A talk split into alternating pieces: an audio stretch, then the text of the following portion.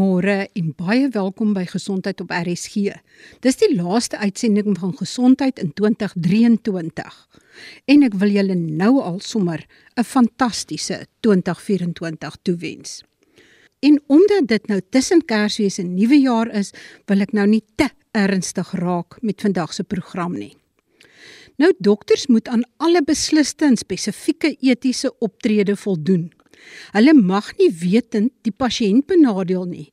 Hulle mag nie pasiënt inligting verklap nie en so meer. Maar wat van die pasiënt? Wat mag die dokter van die pasiënt verwag? Is jy 'n ideale pasiënt of is jy dalk 'n loskop pasiënt of 'n volstrys pasiënt of 'n buffel pasiënt? Ek gaan so 'n paar vrae stel en dan toets jy jouself en dan kyk ons waar ons uitkom. Ek het met 'n klompie dokters gepraat en volgens wat hulle vir my vertel het, het ek hierdie lysie opgestel. Natuurlik is daar nog baie ander vrae en aspekte, maar dit is darm so basiese iets waaraan jy jouself kan meet. Kom ons trek los. Vraag 1. Jy voel nie lekker nie? Is bewus van 'n ongemaklikheid, 'n dowwe pyn of 'n onverklaarbare knop of seertjie op jou lyf? Wat doen jy? A, gaan jy onmiddellik dokter toe? B, gaan jy uiteindelik na baie geneel van jou lewensmaat, gewoonlik jou vrou, uiteindelik dokter toe? Of C, steek jy vas soos 'n donkie omdat jy bang is vir die diagnose? Of D, jy weier om te gaan want dis niks en jy kom mos nie eintlik iets oor nie. Dink bietjie hieroor want in die tweede deel gaan ek hierdie aspekte alles behandel. Tweede vraag. Bel jy op 'n Saterdag of 'n Sondag die dokter oor jou siek kind wat al van Woensdag af keelseer of 'n deurmekaar maag of koors het? Ja of nee? Derde vraag. Jy is betyds by die dokters afspraak, maar hy is laat. Raak jy vies, jy wil loop want hy het geen respek vir jou nie of verstaan jy dat daar dalk 'n noodgeval kan wees? Vraag Jy besoek jou dokter en hy skryf vir jou medikasie voor. A. Gebruik jy die medikasie soos voorgeskryf? Of B. Jy gooi die voorskrif in die asblik. C. Jy kry jou medikasie by die apteek, maar los dit na 'n dag of 2 of drink dit soos dit jou pas omdat daar neeweffekte is wat jy nie van hou nie. D. Jy glo nie aan voorskrifmedisyne nie en gebruik eerder kruie medisyne. Vraag 5. Jy stop jou voorskrifmedisyne. Wat doen jy dan? A. Bel jy jou dokter en lig hom in oor jou besluit? Of B. Jy staak jou voorskrif kroniese medikasie, maar dink dit is onnodig om jou dokter te laat weet. Vraag 6. Jy moet moontlik na 'n spesialis gaan soos 'n dermatoloog, 'n kardioloog, 'n uroloog, 'n ginekoloog ensovoorts. A. Bespreek jy dit met jou dokter? en julle besluit saam wie die beste spesialis vir jou is nadat jy ook jou eie voorkeure bespreek het. Want jy wil na die beste spesialis gaan al is hy of sy nie die naaste een nie. B. Jy maak sommer self 'n afspraak by 'n spesialis wat jy van gehoor het, want dit het mos nie veel met jou GP te doen nie. C. Jy gaan na die naaste spesialis by die naaste hospitaal want dis baie geriefliker vir jou.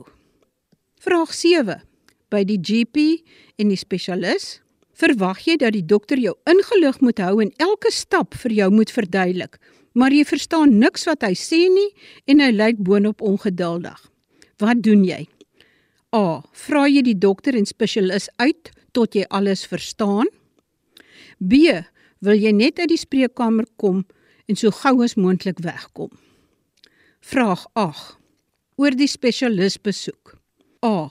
Dit maak jou vies as jy nie met elke afspraak self die spesialis sien nie. Maar dat die tegnoloog in die geval van 'n kardioloog byvoorbeeld jou EKG doen of as jy langer as 20 minute moet wag want jy is ook besig. B. Jy het reeds gegoogel wat jou makkeer en vertel vir die spesialis wat jy dink. C. Vertrou jy die spesialis wat mooi met jou gesels die meeste? Met ander woorde, hang jou vertroue in die spesialis af van hoe hy met jou praat. D. Jy het baie navraag gedoen om die beste spesialist te vind en jy vertrou die spesialis omdat jy in jou hart weet hy's uiters kundig in sy veld. Dan kom ons by die hospitaal gedeelte. Vraag 9. In die hospitaal. A. Jy is by voorbaat kwaad omdat jy glad nie lus is om in die hospitaal te wees nie. B. Voel jy soos 'n lam wat ter slagting gelei word en eintlik geen seggenskap het nie. C. Lei jy die klokkie, maar geen verpleegster kom jou help nie? D. Die dokter loer net in. Vraag 10. Gedurende en na die hospitaal. A. Jy maak 'n punt daarvan om te kla oor die swak diens of om hulle in kennis te stel indien die diens goed was. Met ander woorde, jy lewer kommentaar, maar veral as die diens swak is. B. Dink jy al die rekeninge is uiters hoog, eintlik buitensporig hoog? C. Volg jy die spesialis, fisioterapeut en die eetkundige se instruksies noukeurig? Kom ons kyk na wat jy gedink het oor die vrae en antwoorde in die eerste gedeelte. Kom ons kyk na vraag 1. Jy voel nie lekker nie. Jy's bewus van 'n ongemaklikheid of jy gaan nie onmiddellik dokter toe nie of jy gaan na 'n geneel of jy steek vas of jy weier om te gaan. Natuurlik is voorkoming die beste genesing. Dit is nie nodig om met elke klein dingetjie na die dokter toe te hardloop nie. En in baie gevalle kan jou apteker jou baie goed help. Maar jy weet baie goed wanneer iets verkeerd is. Wanneer daar 'n pyn of 'n onverklaarbare knop is wat nie daar moet wees nie. Luister na jou binnestem en gaan na die dokter. Want in baie gevalle kan 'n siekte baie beter behandel en onder beheer gebring word as dit vroeg opgespoor is. Dit kan in baie gevalle jou lewe red. Vraag 2. Bel jy oor 'n naweek die dokter al is jou kind al van die Woensdag af siek, maar jy het dikwels nie eens tyd gehad om jou kind dokter toe te vat nie. Nee, dit is nie 'n goeie ding nie. Ja, die dokter sal jou help, maar jy kon al vroeër jou kind gebring het. As jy weet jou kind is siek, vat hom dokter toe. Nie vir elke skeet en kwaal nie, maar jy weet wanneer jou kind 'n dokter nodig het en moenie wag tot die naweek wanneer die dokter dalk ook af is nie. Vraag 3. Jy is betyds vir die doktersafspraak, maar hy is laat. Natuurlik raak jy vies as jy 20 of 30 minute of selfs so 3 kwartier moet wag. Maar dit is ook te verstaan dat 'n dokter wat dikwels lewens moet red of 'n pasiënt as 'n noodgeval moet behandel, dalk nie altyd betyds is vir jou afspraak nie. Ek sou sê die dokter behoort wel 'n verklaring te gee van hoekom die afsprake laat is. Vraag 4. Jy besoek jou dokter en hy skryf vir jou medikasie voor. Jy gebruik jou medikasie soos voorgeskryf of jy gooi dit in die asblik of jy los dit omdat neeweffekte jou pla of jy gebruik eerder krye medisyne. My teenvraag is: Waarom gaan jy na die dokter as jy nie die medikasie wat hy voorskrif wil gebruik nie? As jy dan eerder in krye medisyne glo, gebruik dan krye medisyne waarom jou en die dokter se tyd mors om dan sy mening in te win? As die voorskrif medisyne neeweffekte het, is dit belangrik dat jy met jou dokter daaroor gesels. Want daar is byvoorbeeld verskillende soorte medikasie, soos byvoorbeeld bloeddrukmedikasie. En as die eerste groep middels nie werk nie of dit geen neeweffekte skuif hulle oor na die tweede groep middels of die derde groep middels totdat daar die middel gevind word met die minste neeweffekte maar wat die doeltreffendste werk om jou bloeddruk te verlaag. Dieselfde geld vir statiene, dieselfde geld vir antidepressante en verskeie ander middels. Nee, die dokter is nie dom onnosel as hy 'n ander statien voorskryf as die een wat jy tans gebruik vir jou spierpynne gee nie. Alle statiene werk nie 100% dieselfde nie. En die middels se neeweffekte is nie dieselfde vir alle pasiënte nie. Vraag 5 sluit daarbey aan. Vraag 5 is: jy stop jou voorskrifmedisyne of jy stel jou dokter in kennis of jy besluit dit het eintlik nie veel met hom te doen nie. Natuurlik moet jy jou dokter in kennis stel. En dit is iets wat so baie kere gebeur. Kom ons kyk na 'n baie algemene voorbeeld. En dit is bloeddrukmedikasie. Een van die eerste linies van behandeling is wat ons sommer in algemene taal noem 'n waterpil. Iets soos Lasix of een of ander pil wat jou meer laat urineer. Dit is om meer van die vog in jou liggaam uit te kry sodat jou bloeddruk laer kan word. Maar dit is vir baie mense sommer gewoon ongerieflik om so baie keer toilet toe te gaan, veral in die nag. En dan stop hulle net medikasie, maar daar's 'n baie goeie rede hoekom hulle die medikasie moet neem, want dit is een van die middels wat nodig is om jou bloeddruk te verlaag. Hoekom hamer ek so op hoë bloeddruk? sal julle sekerlik vra en wonder. Die feit is dat mense in hartversaking se bloeddruk moet verlaag word want daar's vog wat in die longe opbou en die hart klop al hoe moeiliker, vinnig, maar oneffektief. Dit is soos 'n klein hand wat jy probeer om om 'n voetbal te sit en dan die lug uit die voetbal te druk. Net so oneffektief kry die hart die bloed uit die hartkamers gepomp as die hart en hartversaking is. En een van die belangrikste aspekte van behandeling is om meer vog uit die liggaam te kry sodat die vog nie in die longe ophoop nie. Waterpille is een van die groot wapens in daardie behandeling. So hoë bloeddruk is dikwels nie net hoë bloeddruk nie, maar daar's ander aspekte. Dit kan ook wees dat die pasiënt hartversaking het en dat die bloeddrukverlaging noodsaaklik is om sy hart te help, om sy niere te help. Moet dit nie sommer net bloeddrukmedikasie afmaak as onbelangrik nie. As jy dit sommer net stop, is daar nie eintlik 'n kans dat jy jou bloeddruk voldoende gaan verlaag nie. As jy dit stop, laat jou dokter weet sodat hy vir jou 'n ander middel in die plek daarvan kan voorskryf, want jou hoë bloeddruk gaan nie verdwyn nie. Dit moet behandel word. As jy 'n tyd lank jou bloeddrukmedikasie gebruik het en jou bloeddruk word weer gemeet en dit is dan normaal, beteken dit dat die medikasie jou bloeddruk doeltreffend in toom hou dit beteken nie jy kan jou bloeddrukmedikasie stop nie, want die oomblik as jy dit stop, sal jou bloeddruk weer verhoog. Dan vraag 6, jy moet moontlik na 'n spesialis gaan. Eerste opsie is jy bespreek dit met jou dokter en julle besluit saam want jy wil na die beste spesialis gaan al is hy nie die naaste nie. Die tweede moontlikheid is dat jy eintlik jou dokter uit hierdie besluit uitsny en sommer self 'n afspraak maak by die spesialis. Of of jy kies sommer die naaste spesialis by die naaste hospitaal omdat dit bloot vir jou gerieflik is. Die beste opsie hierso is om dit met jou dokter te bespreek. Want jou algemene praktisyn is die dokter wat al die toue bymekaar trek. Hy moet kry die verslag van die dermatoloog of jou kardioloog of jou uroloog en hy is dan eintlik die enigste een wat die volle prentjie van al jou verskillende probleme en siektes het. En wat moet doodseker maak dat sekere medikasie nie bots nie en hy kan dan baie maklik in verbinding tree met jou spesialiste om sekere dinge met hulle te bespreek wat hom bekommer. So, eerste plek is Moenie jou dokter uitskakel uit hierdie besluite nie. Laat die verslae van al die spesialiste na hom of na haar toe gaan sodat iemand in jou kamp is en al die drade bymekaar kan trek. Dan, hoe kies jy 'n spesialis? Ja, jy bespreek dit met jou dokter.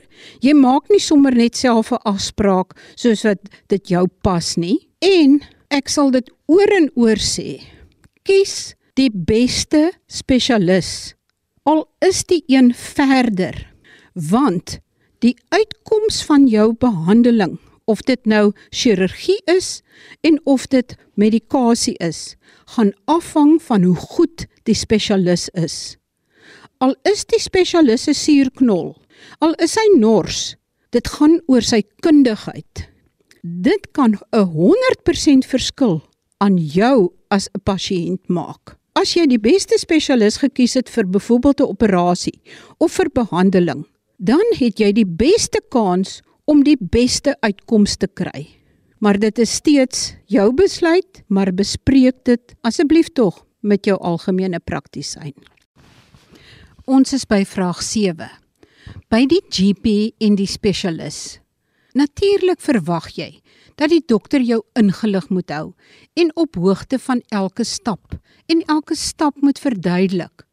Maar selfs al verduidelik hy, verstaan jy omtrent niks wat hy sê nie en boonop lyk hy ongeduldig. Wat doen jy dan? Vra jy die dokter of die spesialis uit totdat jy alles verstaan of wil jy net uit daai spreekkamer uitkom en so vinnig weghardloop as wat jy kan? Dit is logies en belangrik dat jy goed ingelig moet wees oor jou eie toestand. Dit moet verstaan sodat jy weet hoekom jy die medikasie moet gebruik en hoe alles werk. Ek weet ook dat baie algemene praktisyns en spesialiste nie alles goed verduidelik nie. En dit is vir al chirurge wat baie ongeduldig raak as die eerste operasie nie so groot sukses is as wat hulle wou gehad het nie en wat jy wou gehad het nie. En dan word hulle ongeduldig en selfs nors as die pasiënt 'n tweede en 'n derde keer geopereer moet word of as daar komplikasies is. Maar dit is jou reg om te verstaan wat met jou gebeur. Al is dit hoe moeilik en al is die dokter hoe nors, vra hom uit totdat jy alles verstaan. Hy is veronderstel om dit te doen. Moenie net weghardloop nie al voel jy so. Ek weet baie spesialiste en dokters het nie voor in die tou gestaan as dit kom by deeglike beskrywende verduidelikings van wat hulle aan hulle pasiënte doen en wat hulle pasiënte makkeer nie maar vra uit totdat jy verstaan. Dan vraag 8. Jy is nou by die spesialis. Maak dit jou vies as jy nie met elke afspraak self die spesialis sien nie, maar die tegnoloog wat die EKG byvoorbeeld doen of as jy lank moet wag.